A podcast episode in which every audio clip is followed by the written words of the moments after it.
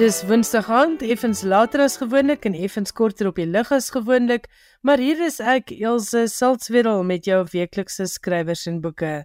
Soos jy seker al agtergekom het, is ons skedule vanaand effens aangepas, maar ons het steeds vir jou 'n volle skrywers en boeke program met die tweede helfte weliswaar as potgooi beskikbaar. In die eerste gedeelte gaan ek gesels met SC Nordee, tweemalige Hertsgpryswenner.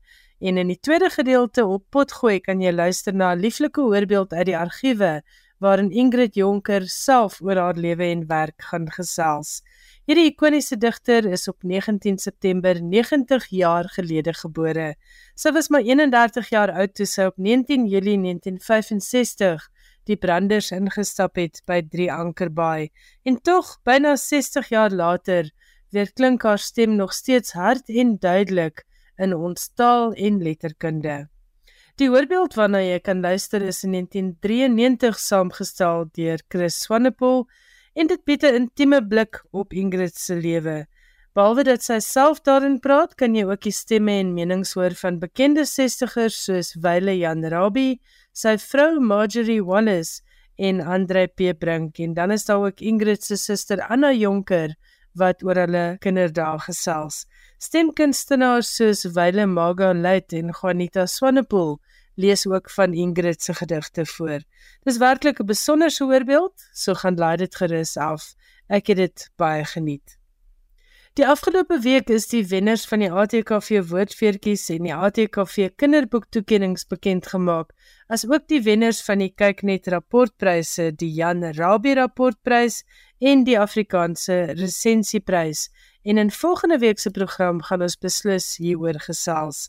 Ek hou ook Johan Meiburg se bydrae oor die kortlys van die Boekerprys wat Vrydag bekend gemaak is, eerder vir volgende week se program, want ek glo daar's 'n hele paar boeke daarop waarin ons luisteraars beslis sal belangstel. Maar kom ek stel jou voor aan die skrywer SC Nodee. Ons gaan vanaand gesels oor sy 4de boek van Vaders en Vlugtelinge. Net iets oor sy vorige werk, al drie sy vorige boeke, Alfabet van die Voëls, Die Derde Spoel en Dol Heuning, is met die Universiteit van Johannesburg prys bekroon. Sowel die Derde Spoel as Dol Heuning is met die Hertzogprys bekroon. Die Derde Spoel het ook die Kyknet rapportprys vir fiksie verower. Ek hoop jy geniet hierdie gesprek met SJ Nodee.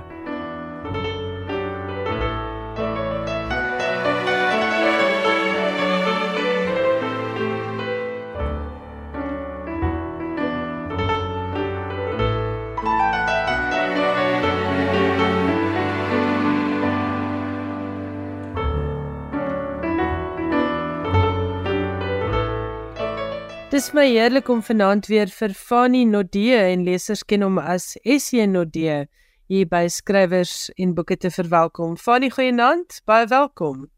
Goeienaand, ons baie dankie vir die uitnodiging. Fani, ons praat vanaand oor jou splinternuwe roman, uh, van Vaders en Vlugtelinge. Maar eers baie geluk, jy is verlede week uh, weer bekroon deur die Akademie vir Wetenskap en Kuns met die CL Engelbrecht Prys. En dit was vir Dol Heuning. Baie geluk daarmee en hoe voel dit? Jy is 'n veelbekroonde man en 'n veelbenoemde man. Baie dankie Ilse. Mense is baie dankbaar, jy weet, vir instellings wat nog belangstel in kultuurproduksie en skryfwerk en wat dit ondersteun.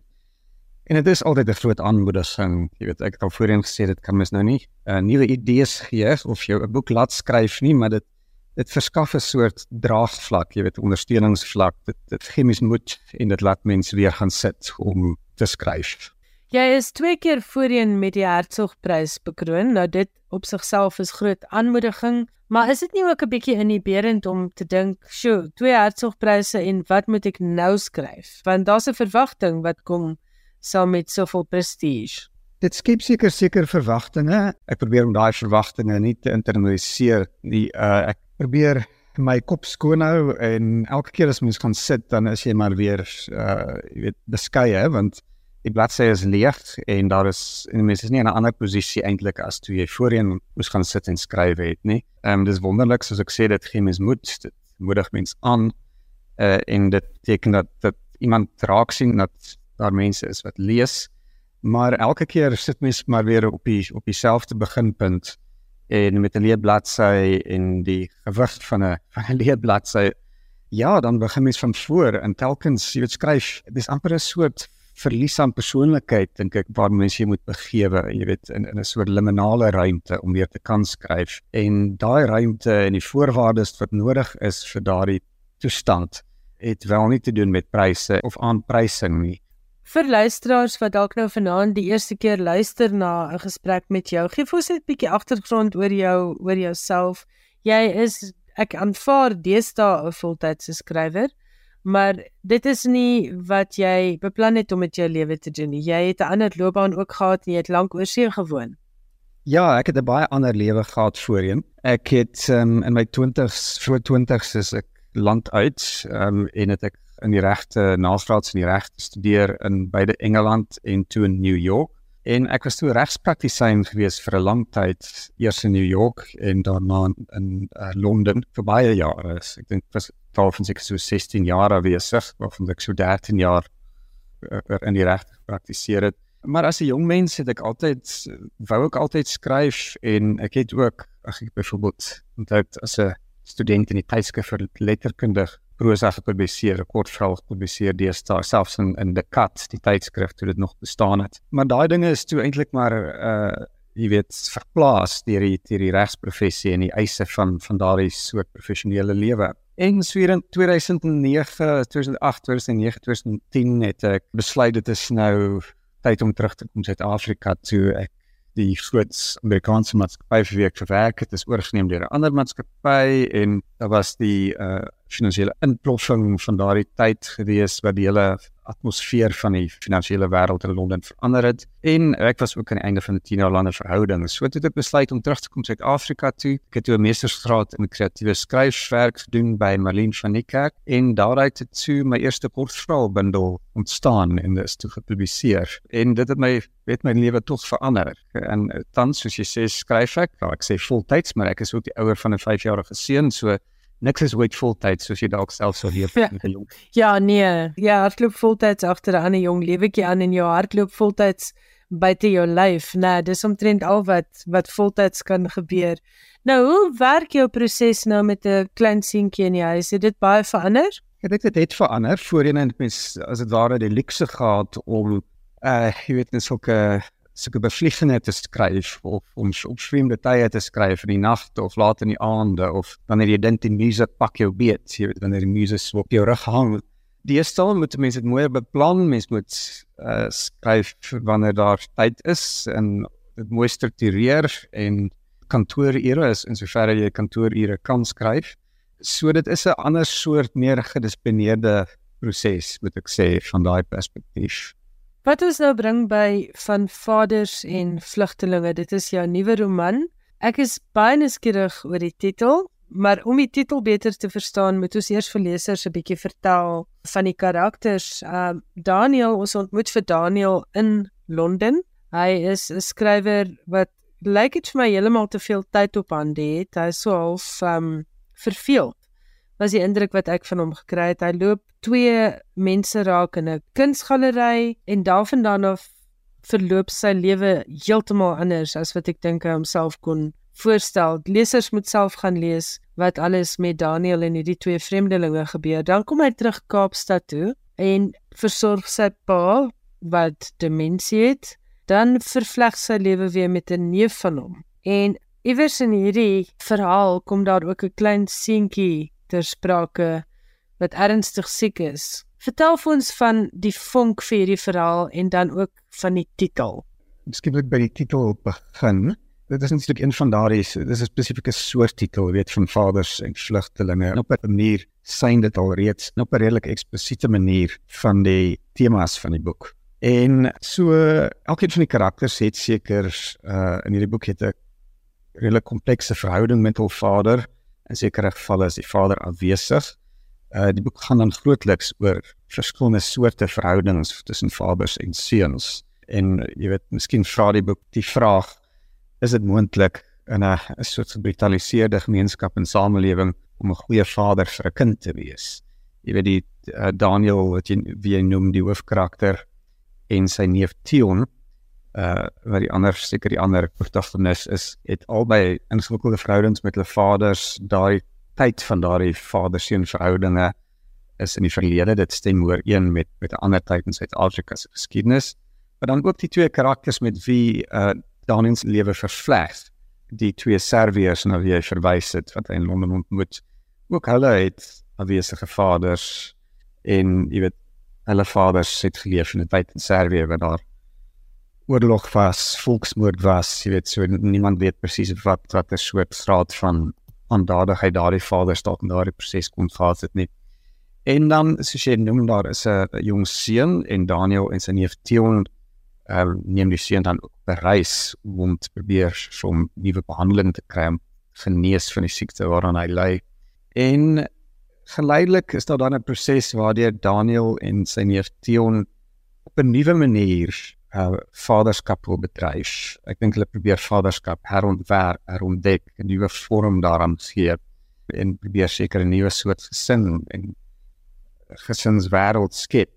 Anders is die waarin hulle as die vaderskapswêreld waarin hulle groot geword het. Ek dink hulle word gesnyk in hierdie proses. Daar is 'n hele afloop van die intrige wat die leser miskien maar self moet gaan lees. Maar ehm um, ten minste is daar 'n soort proses en dalk selfs weet ek huiwer om die woord heroïes te gebruik, maar daar is 'n soort moedige proses waardeur hulle gaan om self 'n soort familie te skep en self 'n soort vaderskap te bedryf. Ja, en ek dink die boek het dan iets te maak uiteindelik met 'n alternatiewe model vir vaderskap en selfs manlikheid, jy weet.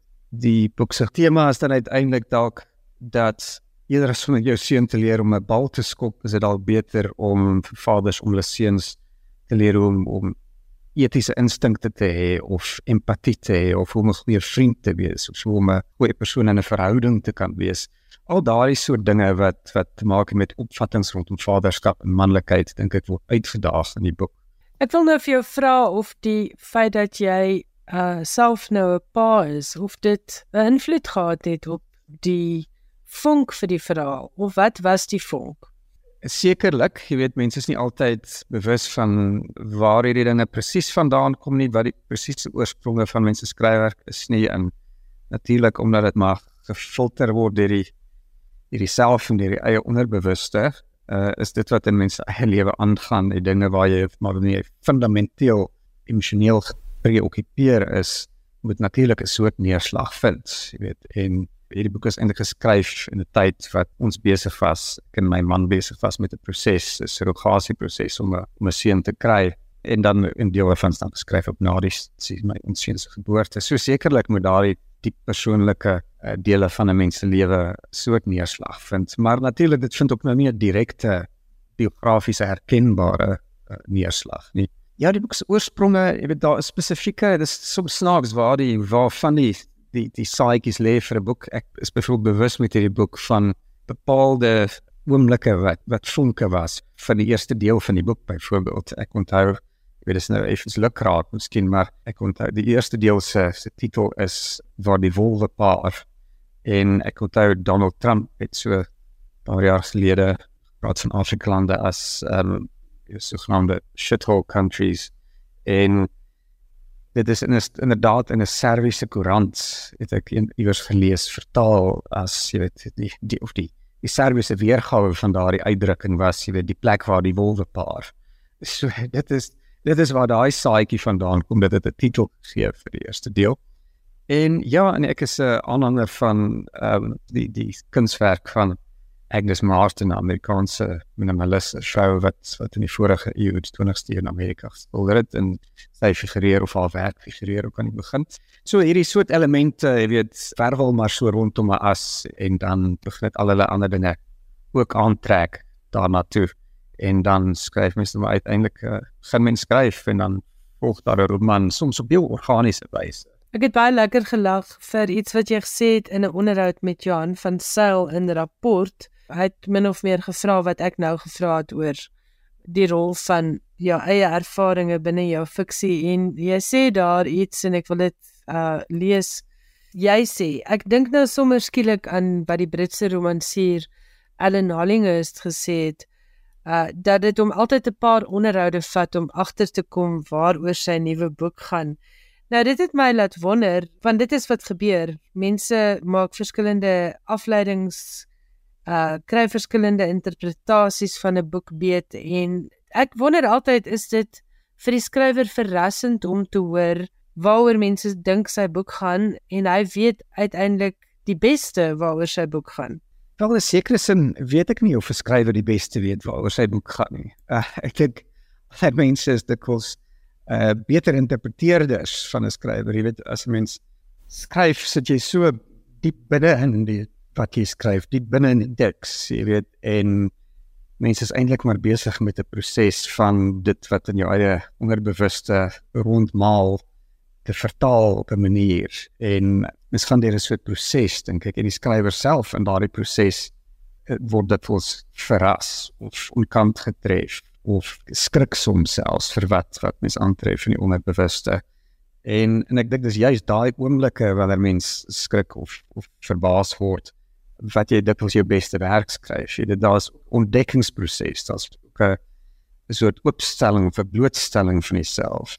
Uh, 'n mens neem risiko's wanneer jy skryf. En so dit is op 'n manier ek wil sê dis wat is op 'n manier seker amper 'n gesamentlike proses. Jy weet dit is amper asof die leser en die skrywer dinge gelyk ontdek. Nou wel nie gelyk in tyd nie want mens skryf die boek en dan word dit eers baie later gepubliseer maar ek dink daardie oomblikke in die teks wanneer die wanneer die skrywer verbaas word of risiko neem is ook dikwels die oomblikke wanneer mense die naaste kom aan jou lesers wanneer jy lesers die maklikste kan raak jy weet amper asof met se vingers half die hierdie dun korsie van woorde wat jy wat jy skep kan reik en aan jou lesers se vingers kan raak.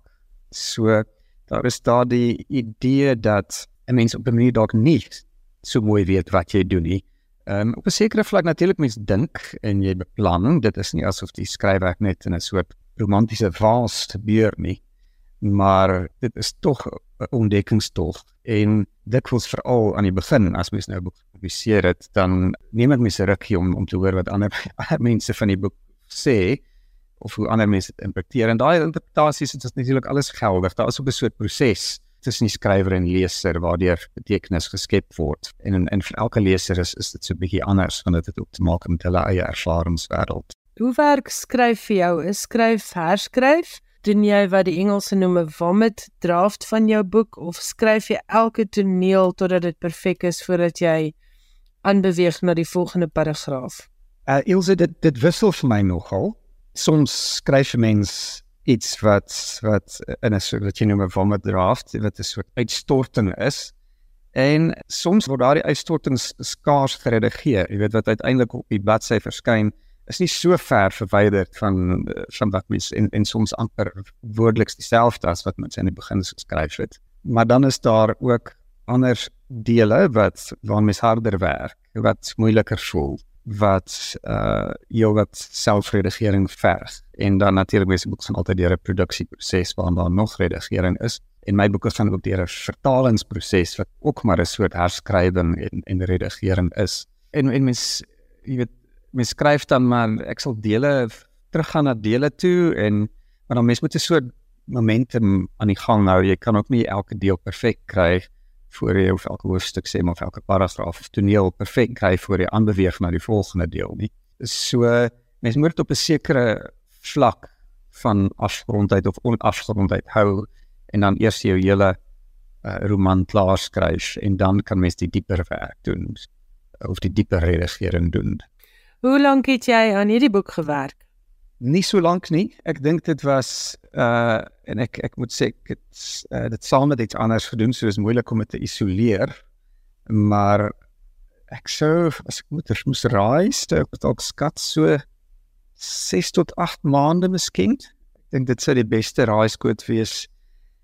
Uh dikwels uh, ek het my my skryfwerk meer dikwels as ek noem daar is jy weet dit is soos nou genoem daar is dele wat wat vinniger op die bladsy kom as as ander dele. My beste skryfwerk is gewoonlik die skryfwerk wat wat in 'n soort eh, koers geskryf word. Ehm um, soos ek genoem het kan mens deesdae nou omdat mens ouerlike verantwoordelikhede het nie noodwendig op daai selfe manier so dit wil skryf nie. Ehm um, maar myns insiens is dit tog die beste dele van my skryfwerk wat in daardie koorsagtigheid na vore kom dan is regtig dikwels op redelik vinnig skryf of te lang ure ten minste per dag. Ja, want ek veronderstel ehm um, dis half soos om jou aandagspan die hele tyd dan gefokus te kan hou en dis baie moeiliker om weer op te tel waar jy moes laat gaan as jy onderbreek word kort kort. Absoluut. En uh en jy weet dit is net maar 'n klise maar die soort omstandighede wat vir my werk is eintlik maar algehele afsondering, jy weet alleen iewers doodstil uh, dit hoef nie romanties te wees nie. Ek, ek skryf dalk die beste in 'n anonieme soort hotelkamer naby 'n lughawe. Daai soort, jy weet, kokon omstandighede is baie nuttig. Ek het jare terug ook met Rihanna Skeepers hieroor gepraat, opskrywers en boeke, toe ons so bietjie skryfraad gedeel het met luisteraars en sy het ook gesê daar's hierdie wanpersepsie dat 'n skrywer um 'n uitsig nodig het in 'n gemaklike skryfkamer en 'n kaggelvuur en dat jy dan jou beste werk produseer maar ek ja ek hoor jou dit verskaf waarskynlik meer rede tot afleiding as inspirasie absoluut. Ek dink 'n kaggel en uitsig kan jou ondermyn eerder as help. Ek het baie skrywersvriende wat sê hulle kry ongelooflike lus om 'n kas reg te pak en 'n blokkiesraaisel in te vul en 'n muur te verf wanneer die deadline nader kom. So ek veronderstel hoe strakker hoe beter Ek wil ook vir jou vra oor die vertaling. Jy het nou gesê al jou boeke word vertaal, maar van Vaders en Vlugtelinge is die eerste boek wat jy nie self vertaal het nie. Hoe was dit vir jou om 'n vertaler te hê? Het jy gesukkel om jou kop daar om te kry dat jy nou nie in beheer is van jou eie vertaling nie? Dit was 'n nuwe soort proses. Al drie my vorige boeke het ek self vertaal en in hierdie geval het Miguel Heinz vertaal. En Michiel was natuurlik self ook 'n uh, formidable romanskrywer. Hy's 'n baie ervare vertaler en iemand wat van redigering weet. En die Engels is dan ook nog geredigeer deur Henrietta Rose Innes wat self ook 'n baie goeie romanskrywer is en 'n baie goeie redigeerder en ook 'n vertaler. So daar was baie talent in die vertrek hierdie keer. Gewoonlik is dit net 'n mens self en jy weet, hoef net jou nie aan die skrywer te stuur nie en die skrywer hoef nie 'n vertaler te stuur nie. Maar in hierdie geval is daar gesprek en 'n bietjie onderhandeling, maar um, ek dink dit is 'n baie goeie uitkoms wat my betref. Ek ek is baie gelukkig met die met die Engels soos dit soos dit lees in hierdie geval. Ek wil afsluit met 'n bietjie van 'n gesprek rondom genres. Jy sê ook in hierdie onderhoud met Johan van Sail dat jy hou van kortverhale en dat dit vir jou jammer is dat ehm um, Ja, ek gaan weer eens aanhaal. Jy sê jy het nog altyd 'n affiniteit vir lang kort prosa gehad. Dit voel vir jou asof jy jou kreatiewe energie die beste uitwoed binne die bestek van 'n lang kort verhaal. En dan sê jy of dalk is ek net gefrustreerd met die roman wat al soveel dekades as die kroon van die lettere beskou word. Die kortverhaal het sy hoogbloei in die 70s en 80s en vroeë 90s gehad Dit is vir my werklik 'n misterie waarom dit nie gewilder is in 'n era waar almal 'n tekort aan tyd het nie. Nou jou vorige bekroonde werk was Dol Heuning wat 'n bundel kortverhale was. En ek wonder ook soms hoekom is daar nie meer kortverhale in Afrikaans beskikbaar nie. Kan ons 'n bietjie daaroor praat? Wat is jou siening? Ja, soos jy daar sê in in in die aanhaling, dit is 'n bietjie van 'n frustrasie. Dit voel vir my asof daar baie meer moontlikhede is genre gewys en dat dit nie net een of die ander noodwendig is nie. Ek dink daar's ook dinge tussenin. Ek dink daar's 'n soort kontinuum, miskien met 'n kort kort verhaal aan die een kant en 'n 'n lywige roman aan die ander kant en dan so allerlei dinge tussenin. Hierdie boek is is natuurlik 'n roman, maar dit het ook enkele kenmerke dink ek van 'n van 'n versameling kortverhale. Mens sou teoreties dink ek die individuele dele van hierdie roman ook afsonderlik kon lees. So ek hou ook nog soms nogal soms van die spel met die met die tussenin tipe werk. Iets wat uh nie heeltemal die een of die ander is nie. En dit is tog vreemd ja dat dat mense nie meer kortverhale lees in hierdie tyd nie. Ek is nog altyd 'n baie uh, entoesiastiese kortverhaalleser. In die FSA is daar definitief meer entoesiasme as byvoorbeeld in Engeland vir kortverhale so dit dan ook maar 'n bietjie af. In Suid-Afrika is ons dalk iewers tussen en mense skryf en publiseer tog nog kortverhale. Maar ag as mens byvoorbeeld net kyk na lit literêre pryse jy weet die is meestal vir vir romans. Dis as ons almal aanneem die roman is die as 'n vader die verstek vorm. So maar jy weet ek skryf romans en kortverhale, maar ek dink volgens my my uh inklinasie is dikwels in die rigting van van die lang kortverhaal. En en weer eens is ook nie 'n sekere tradisionele kortverhaal nie, dit is amper meer soos 'n mini roman wanneer ek kortverhale skryf. Soms is dit amper so 'n novelle, of soms uh, is daar 'n paar van hulle wat saam hoort en dan 'n uh, klein siklus van kortverhale skep. Uh, so ek dink daar's allerlei benaderings en metodes en dinge tussenin, maar maar ja, hierdie is nou 'n roman. Ehm um, maar ook nie heeltemal nie. Tussen skryf en pa wees en al die uitdagings van 'n gewone lewe, wat lees jy? Het jy tyd vir lees? Ek het deesdae minder tyd vir lees, moet ek sê. Ek lees wel, ek lees soms nie fiksie, ek lees is interessant veral in die in die uh, COVID tyd, in die pandemie tyd het ek nogal heelwat nie fiksie gelees. Ek byvoorbeeld onlangs 'n uh, uh, biografie van um, W.G. Sebald, die Duits-Britse skrywer gelees.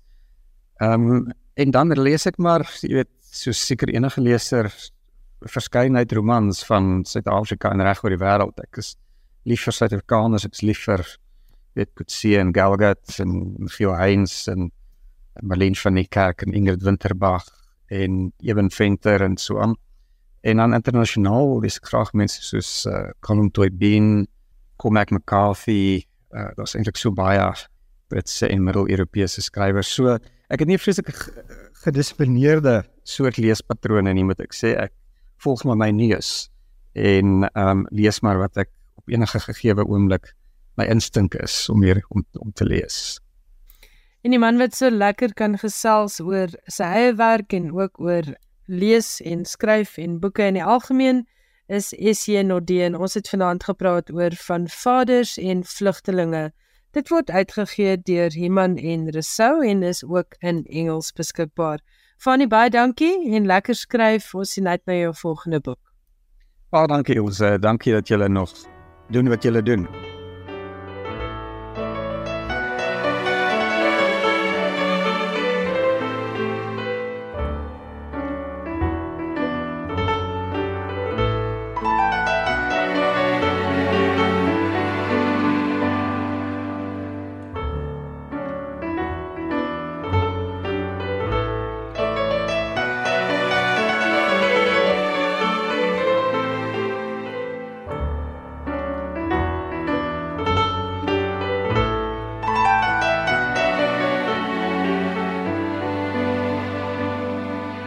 Ingrid Jonker het nie net gedigte geskryf nie, maar ook 'n drama en verskeie kortverhale. Dis egter vir haar poësie wat die wêreld haar onthou. Haar gedigte is vertaal in Engels, Duits, Frans, Pools en isiZulu om maar 'n paar tale te noem.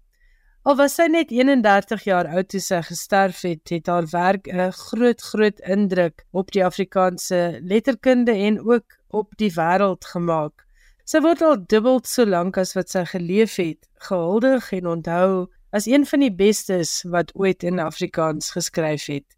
Kom ons hoor wat sê die mense wat haar goed geken het.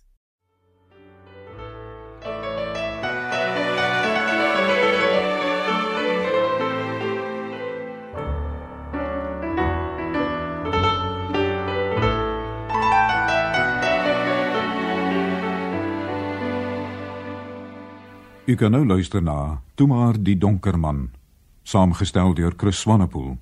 'n Program oor Ingrid Jonker wat op 9 September verjaar 60 sou word, maar op 19 Julie 1965 kort voor haar 32ste verjaardag by Drie Ankerbaai verdrink het. Sy naam is sy naam is slaap, meneer vergeet sy die land van maak. Sy naam is toe maar, hy het my lang, toe maar die donker man, mami. Toe maar die donker man, mami. Toe maar die donker man. Wel ek is gebore in Douglas daar by die Oranje rivier. Maar daarna het ons vertrek na Durbanville en toe na Somerset strand waar ek gebly het totdat ek 10 was en van toe af seker Kaapenaar. Ek was in 'n Engelse skool tot by matriek. En daarna het ek 'n kursus geneem en tik en snel en gaan werk. Groot geword saam met haar moeder in ellendige omstandighede. Haar moeder voor haar oë sien kranksinnig word toe sy omtrent 7 jaar oud was. Die stem van intieme vriend en medeskrywer Andre P Brink. Daar lewe lank hierdie hinkering gehad na 'n vader wat haar ongelukkig so vroeg misken het wat haar moeder by die huis uitgedryf het. Een nag, haar moeder was swanger aan haar gewees. Toe na Gordons Bay vertrek waar haar ouma haar verder versorg het. Onder die armoedigste omstandighede waar hulle dikwels van viskoppe moes lewe wat hulle by die hawe gebedel het. Later weer deur haar vader ingeneem, eintlik soos 'n aspoestertjie grootgemaak. 'n Paar keer probeer wegloop en haar hele lewe lank bly soek na die bestendigheid wat haar altyd bly ontvlug het sodat sy verskeurd groot geword het en verskeurd gebly het. Die kind in my het stil gesterf. Verwaarloos, blind en onbederf in 'n klein poel stadig weggesink en iewers in die duisternis verdrink. Toe jy onwetend soos 'n dier nog lagend jou feesta vier. Jy het nie met die ruige gebaar die dood voorspel of die gevaar maar in my slaap sien ek klein hande en snags die wit vuur van jou tande. Wonder ek sidderend oor en oor, het jy die kind in my vermoor? Mens moet onthou dat 'n digter nooit 'n liriese digter kan word as hy nie iewers in sy kinderdae byvoorbeeld 'n groot geluksveld geken het nie en dit vir haar was haar dae tot sy omtrent so 10 nog jonger was Aldus Anna Jonker, suster van Ingrid. En mense het dit beste kan saamvat in die tydperk van Gordons Bay. Daardie Gordons Bay het 'n geweldige invloed op haar lewe gehad. Ons het daar gewoon. Ons was selde in die skool, meer dikwels in die Dennebos wat mense teekom in die gedig Dennebos herinnering, Dennebos vergeet. Ons het gespeel met die papegaai. Jy vind hom terug in die papegaaibond Echo wat daar later gekogel het. Ons het dikwels in die veld geslaap. En Ingrid het self gesien hoe die maan met sy geel lyfie gaan slaap het by die gousbome met sy boepens in die lug. Bitterbessie dagbreek, bitterbessie son. 'n Spieël het gebreek tussen my en hom. Soek ek na die groot pad om daar langs te draf. Oral draai die paadjies van sy woorde af. Dennebos herinnering. Dennebos vergeet.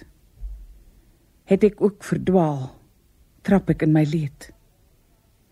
Papegaai bond echo kirang kirang my totdat ek bedroe weer die kogel kry. Echo is geen antwoord antwoord hy al om. Bitterbessie dagbreek. Bitterbessie son Wel ek het begin toe ek omtrent 5 jaar oud was en uh gepubliseer toe ek 6 was. Ek het gereeld gepubliseer en ek het baie geskryf, maar ek het net die Halleluja boek gehad om te leer hoe om te skryf. En die eerste digbundel wat ek gelees het was uh, die Purper Iris. Dit was toe ek 10 was. Toe ek 16 was, het ek 'n boek voorgelê aan die nasionale boekhandel genoem Na die somer.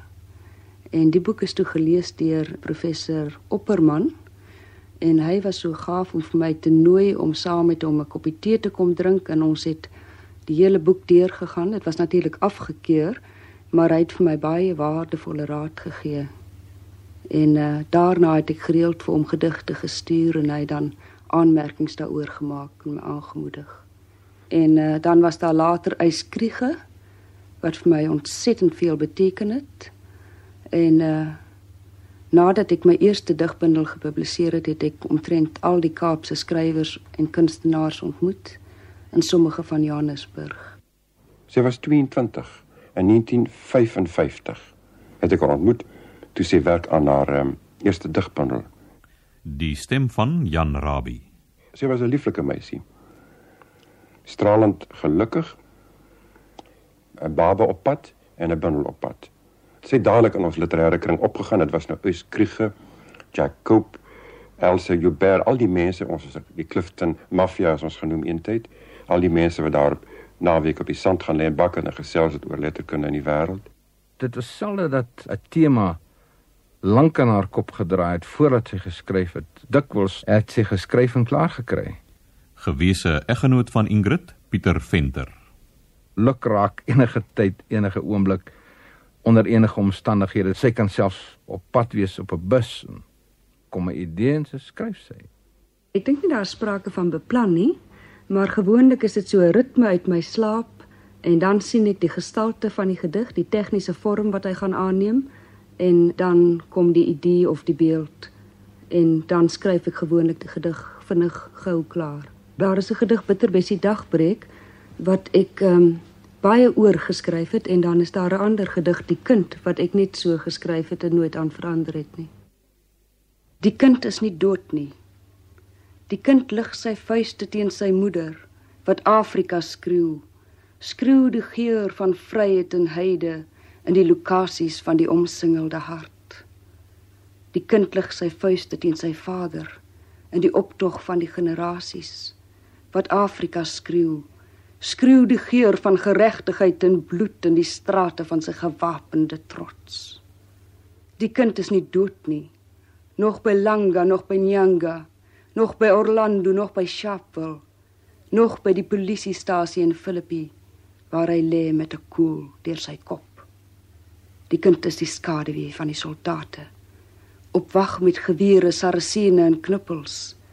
Die kind is teenwoordig by alle vergaderings en wetgewings Die kind loer deur die vensters van huise en in die harte van moeders. Die kind wat net wou speel in die son by Nyangas oral. Die kind wat 'n man geword het, trek deur die ganse Afrika. Die kind wat 'n reus geword het, reis deur die hele wêreld sonder 'n pas. Ek het Ingrid nie geken as 'n politieke wese nie.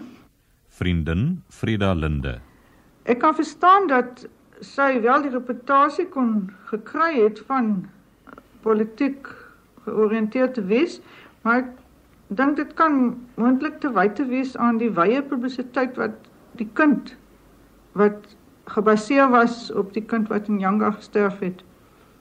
Aan die publisiteit wat dit geniet het.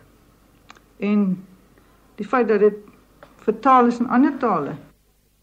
Sy het altyd in 'n in 'n amper 'n soort manies depressiewe toestand geleef, soms ontsettend bedruk, ander kere weer geweldig amper ekstaties gelukkig.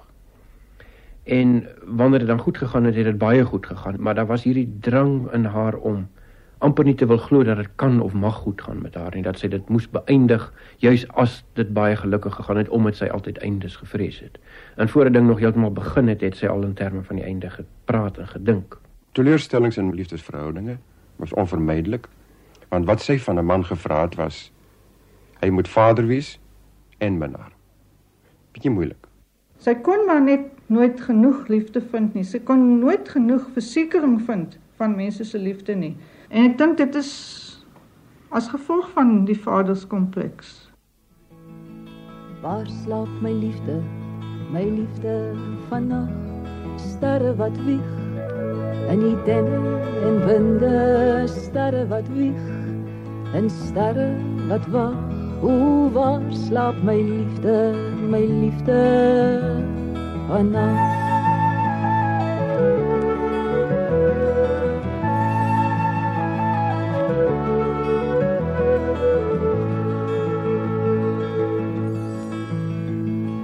Denne boom donker rooi pad en naglied naglied van diere en duistere winde.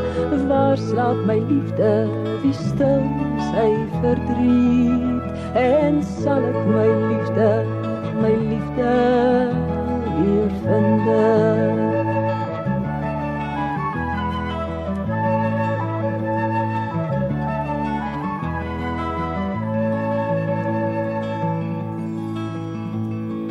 Winterwind lei my deur bittere nagte tot hy die duister ek saggies kan staan.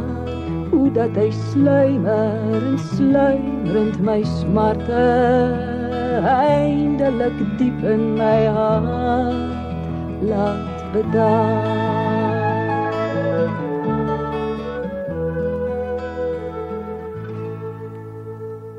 Ek dink Ingrid was teen wil en dank 'n buitestander gewees. Wat dit miskien meer opvallend gemaak het en moeiliker is die feit dat sy onprakties was.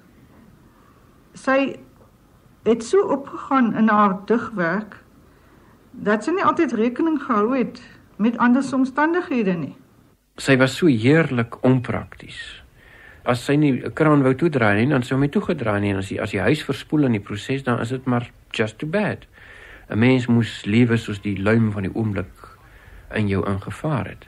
Skoene byvoorbeeld wou sy nie dra nie. Ek meen sy het dikwels stad toe gegaan met kaalvoet. Sy sou 'n pragtige lang rok aantrek, maar dan kaalvoet na 'n partytjie toe gaan. Nou ja, deesdae is dit amper mode.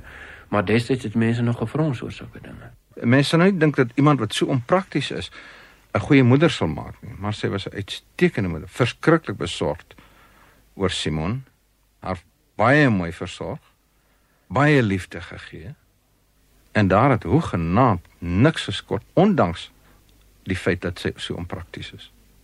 Begin somer vir Simon. Begin somer en die see oopgebreekte kweper.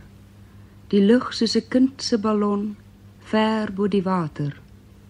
Onder die sambrele soos gestreepte lekkergoed, mure van mense en die gul lag van die baai het goue tande. Kind met die geel emmertjie en die vergete vlegsel. Jou mond is sekerlik 'n klokkie klein tongetjie klippeltjie. Jy bespeel die son dag lank soos 'n ukulele. Toe ek haar ontmoette die aand was sy in 'n baie bedrukte stemming en het sy baie sterk in terme van selfmoord gedink. Dit was amper asof sy 'n hiperbewustheid van die dood die heeltyd gehad het, asof sy so op die randjie geleef het wat die dood of wat verskriklikheid betref. En aan die ander kant dan weer 'n besondere teerheid en 'n besondere intense bewustheid van die kosbaarheid van die lewe. 'n Randjie waarop sy haar soms gevaarlik kon balanseer, maar waar dit soms na die een of na die ander kant toe oorgehaal het. Die skaduwee waarsku die straat. Geslinger uit 'n hoë balkon deur die skaars jacarandas van die lug, die skaduwee waarsku die son. Deur die lied van die pennyfluitjies, geval op die dreunende straat, my pop met 'n naam soos 'n liggaam wat net soos 'n mens kon praat. My pop soos 'n mossie geskiet, korrelkaal van die vensterbank. Of was dit die wind uit die verte, of was dit my eie hand? My pop het geval toe die son sy bronsklok lui uit die lug. Toe die wolke die mure wit kalk val die skade weer daarin terug.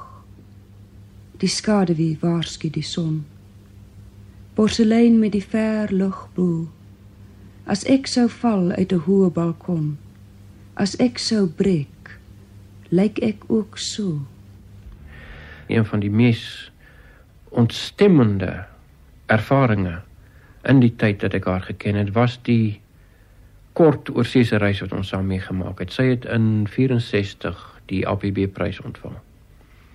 En daarmee is sy toe oorsee, sy het geweldig daarna uitgesien. Sy het daar hele lewe lank gepraat oor eendag as sy oor see kan kom. Maar sy was ook baie bang daarvoor want sy was altyd bang vir alleen wees. Omdat sy behoefte gehad het aan ander mense om haar selfvertroue te onderskraag, om haar liefde aan te bied, om haar hand vas te hou. Aan die ander kant het sy weer 'n vreeslike renons aan mense gehad, veral groot groepe mense. Daarom sy uitgesien na Europa, maar sy was ook bang daarvoor en sy was ontsettend bedruk in die tyd dat sy alleen daar was van omtrent Maart 64 as ek reg onthou tot einde Junie toe ek uiteindelik kon oorgaan om 'n kort tydjie met haar daar deur te bring. Maar reeds terwyl dit aan die gang is op die vooraand van ons vertrek Spanje toe wat eintlik die reis sou wees, het sy weer ek kan amper sê sy begin siek word. 'n Aardige deurmekaar pratery, dwaalinge dat sy soms nie seker was wie sy is nie of wie by haar is nie of wat aan die gang is of waar sy is nie skelpartye, bittere onplesierighede tussen absoluut idilliese momente. In daardie toestand is ons Barcelona toe waar dit net na omtrent 2 of 3 dae duidelik was dat dit net eenvoudig nie sou werk nie. Ek het gesit met 'n opdrag van 'n uitgewer om 'n boek oor Spanje te gaan doen. Ek kon dit nie laat vaar nie. Sy was in so 'n toestand dat sy nie kon voortgaan nie. Daarop het ons besluit dat dit beter vir haar sou wees om op daai tydstip terug te vlieg Parys toe waar Bruiten na haar kon kyk. Eers daarna het ek te gehoor dat sy toe in Parys na 'n inrigting geneem moes word waar sy uiteindelik na 'n maand of so weer ontslaan is en teruggekom in Suid-Afrika toe. sy was by ons na sy het teruggekom van 'n sielkundige plek. Die stem van Marjorie Wallace. En om haar besig te hou, ek het gesê sy moet kom skilder saam met my in die ateljee. En uh, sy het herhaaldelik en herhaaldelik waterverf gedoen van 'n vrou wat wasgoed ophang en 'n kind wat vasglo om 'n vrou se voorskoot. En sy het gesê sy en Simon wasgoed ophang, maar eintlik sy was die kind in die skildery. Sy het altyd 'n hinkering terug om kind en moeder en sy het 'n 'n bietjie 'n moeder uit almal gemaak vir haar. Ladybird, 'n herinnering aan my moeder. Glansoker en 'n lig breek uit die see. In die agterplaas, ergens tussen die wasgoed en 'n boom vol granate, jou lag in die oggend, skielik en klein, soos 'n liewe heer spesie, geval op my hand. Sy het geglo sy kan haar borrelende gedigte skep. En in haar later jare sy het 'n vries dat daai bron opgedroog het. En dit sy kan nie meer dig nie en sy moet oorgaan na prosa. En sy het nie 'n vertroue in haarself gehad om 'n meer volwasse ding van prosa. Wat eintlik jammer was, because there was so success met daai in akter van haar 'n paar jaar terug. Jy kon sien dat sy kon 'n prosa skryfster gewees het en kon dramas geskep het. Ek onthou kort voor die einde. Dan kom sy na my man toe en sy sê: "Afriende, is ek nog mooi? Is ek nog mooi? Hoe lyk ek vir jou?" Die twyfel. En die vers ook. Is dit nog 'n mooi vers? Jy kan maar sê dit was 'n wending in haar lewe. Want om die liefde van 'n vader te soek wat sy eie moeilike lewe moet lei. En nie vir jou liefde kan teruggee of wil teruggee nie. Dit kon nie verder gaan nie, so nie. Al die dinge het saamgewerk om haar geweldig neerslagtig te maak. En dit was baie ongesond vir haar. Sy het ook nie meer belang gestel in gewone vriendelike verhoudings nie. Sy het was vir haar baie moeilik. Sy het soms verdowingsmiddels gebruik. Ingrid het 'n selfvernietigingsdrang in 'n mate gehad, soos almal het 'n bietjie. En sy het 'n beeld van haar liggaam gehad as 'n soort of tabernakel. Sy het 'n baie mooi lyf gehad en sy was trots daarop. Sy was baie bly dat dit mooi bruin is en so. En sy sal sit in bad en sê vir jou, "Kyk, is ek nie mooi nie? Kyk dit en kyk dit." En sy het begin daai tabernakel liggaam vernietig ook. In die laaste 6 maande sy het maklik met verskillende mans omgaan gehad. En dan die volgende dag 'n soort of self-disgust. Ek onthou van verskeie pogings wat sy aangewend het om toenadering by haar pa te soek. Maar toe het omstandighede gekom wat die verwydering tussen die pa en dogter baie erger gemaak het as tevore en wat groot bitterheid veroorsaak het. En dit was veral in die begin van die 60er jare, 63 toe ons skrywers geprotesteer het teen die verskerpte sensuurwetgewing. Haar pa was in daardie stadium voorsitter van die parlementêre gekose komitee wat belas was met die nuwe wetgewing.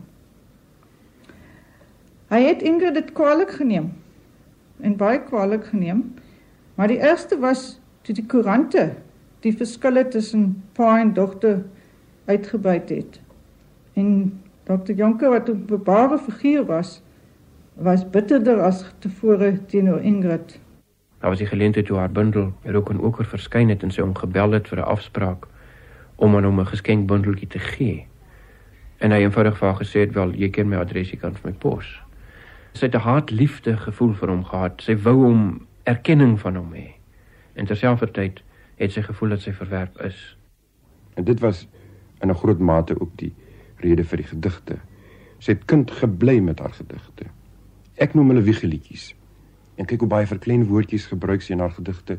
Dis wonderlik egte baie indrukwekkende gedigte, maar dan vir my wiegelietjies waarmee sy die wêreld besweer en haarself aan die slaap sing met traantjies op haar oë as jy wil. Mense sê baie keer was dit onvermydelik dat Ingrid so selfmoord gepleeg het. En in die laaste 6 weke dink ek sê hy herhaaldelike selfmoordpogings gemaak. Halfhartige en sy was altyd gered en gered en gered en die laaste keer niks het opgedag en sy was nie gered. En ons verwyd onsself dat ons dit nie vir mekaar vertel asof as ons niks sê alles sal regkom. Sy's een keer deur Jack Cope teruggebring van die see, een keer deur ons, twee keer deur verbygangers, een keer deur haar bediende. Maar niemand het vir mekaar vertel, ons het nie daarvan geweet nie. En alles is reg tot die volgende keer. Iets wat my getref het en die betekenis daarvan het ek eers later besef, was dit sy nie een keer nie, maar 'n hele paar keer die gedig van J.B. Charles voorgeles het. Dis die gedig voor het verdronken meisie. Verdronken is God in sy huis begroeten terwyl dit leven maar in moeite vol bestaan is. Verdranken is vergeten worden en vergeven.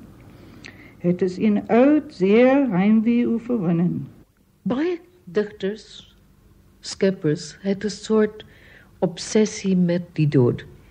En die heel eerste keer ek Ingrid ontmoet het, was op Clifton en ons stap langs die strand en sy het my gesê, "Dink jy ek sal mal word? Dink jy ek sal selfmoord pleeg?" En ek sê nee, hoekom? Sy sê my maat mal geword, my maat selfmoord gepleeg. Ek het later uitgevind haar moeder is van kanker dood, maar Ingrid het altyd voortgegaan dat haar moeder dit selfmoord gepleeg. Sy het seker dinge so dikwels gesê dat 'n mens later hoe vreeslik dit ook al is om dit nou te moet sê, haar nie geglo het nie. Onthou, dis die heel eerste vers in die heel eerste bundeltjie wat sy geskryf het in 1956. My lekle uitgespoel in wier en gras op al die plekke waar ons eenmal was. En 10 jaar later het sy dit werklik gedoen, maar die laaste 3 maande van haar lewe was Ingrid op die afdraande pad. Sy het haar belangstelling verloor, het haar lus om te lewe verloor. En sy het hele paar maal probeer haar eie lewe neem, maar altyd wanneer ander mense teenwoordig was. En ons het later geglo sy sou dit nie werklik doen nie. En toe doen sy dit tog 100%. Uit hierdie Valkenburg het ek ontvlug en dink my nou in Gordons Bay terug. Ek speel met paddavisse in 'n stroom en kerf swastikas in 'n rooikransboom.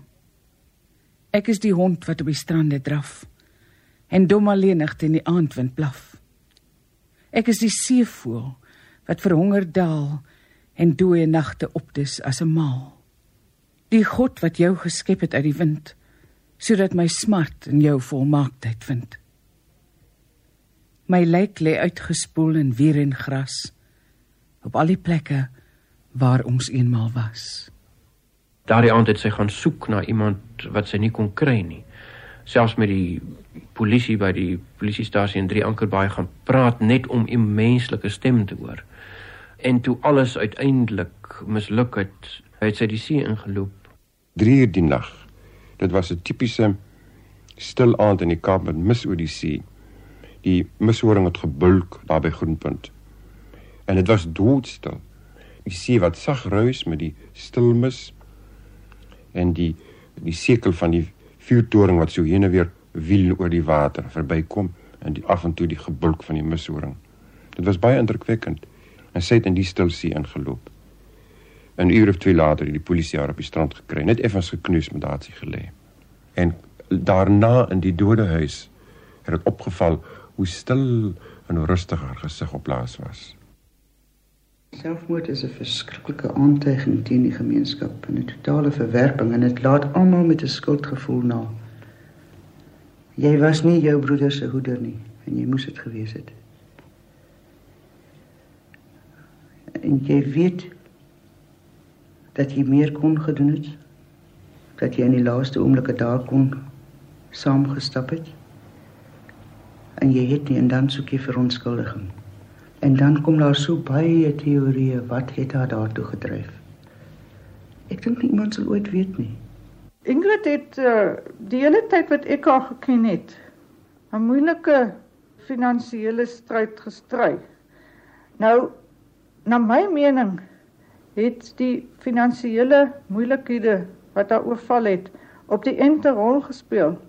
As 'n mense menslike verhoudings normaal en bevredigend is en as jy in ander opsigte goed aangepas en gelukkig is, dan kan finansiële moeilikhede jou nie onderkry nie. Maar as die ander dinge reeds verkeerd is en jy is reeds ongebalanseerd, dan is dit werklik die laaste strooi. Mense wonder dikwels of Ingrid selfmoord gepleeg het omdat sy gevoel het dat sy uitgeskryf was. Die laaste inskrywing in haar dagboek was stilte, stilte, stilte. Dit kan beteken dat dit in haar stil geword het en dat niks meer was om oor te skryf nie.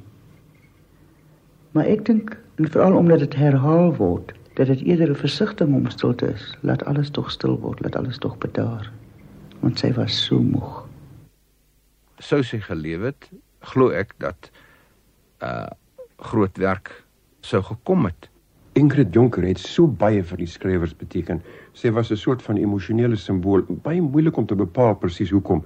Nogtans, sy was vir ons so belangrik dat na haar dood by die begrafnis het ons besluit ons gaan 'n uh, Ingrid Jonker Prysfonds vir beginnerdigters instel. Die mense agterna het fantasties reageer, emosioneel reageer oor haar dood, maar sy was in haar lewe al 'n uh, baie belangrike simbool. Mense het besef, kyk, hier is 'n meisie, hier is 'n digter of 'n persoon met 'n sekere emosionele inhoud, 'n besonderse talent, 'n besonderse eerlikheid en integriteit. As 'n mens haar geken het, soos ek die voorreg gehad het om haar te ken, dan sal jy besef dat hierdie romantiek wat om haar persoonlikheid geweef word, veral na haar dood ontstaan het. Dit blyk uit die manier waarop sy nagevolg is en daar selfs van haar werk hier 'n frase, daar 'n beeld, hier 'n uitdrukking gesteel word, bewus of onbewus in die werk van jonger digters. Sy het hierdie poëtiese manier van lewe gehad en daar was hierdie liefdesverlange en hierdie eensaamheid en hierdie outsiderskap in haar poësie wat aanklank vir albei 'n jonger generasie gevind het destyds en wat haar eintlik onvermydelik 'n soort kultusfiguur gemaak het uh, omdat sy dit was dit was niks kunsmatigs nie daarom ook is die hele romantiese allure rondom die naam Ingrid Jonker iets wat nie agterna gekom het nie. Haar dood het eintlik die siel daarop geplaas, iets bygedra daartoe. Maar haar hele lewe was so. Sy naam is La, meneer vergeet Sy naam is toe maar, hy het my lang, toe maar die donker man, mami. Toe maar die donker man, mami. Toe maar die donker man.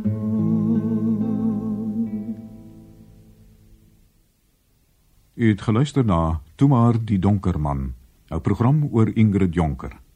Die gedigte is voorgeles deur Margot Luit, Juanita Swanepoel en Ingrid self, terwyl die toonsettings gesing is deur Koba Wickham en Lorika Raag. Toe maar die donker man is in Kaapstad saamgestel deur Chris Swanepoel.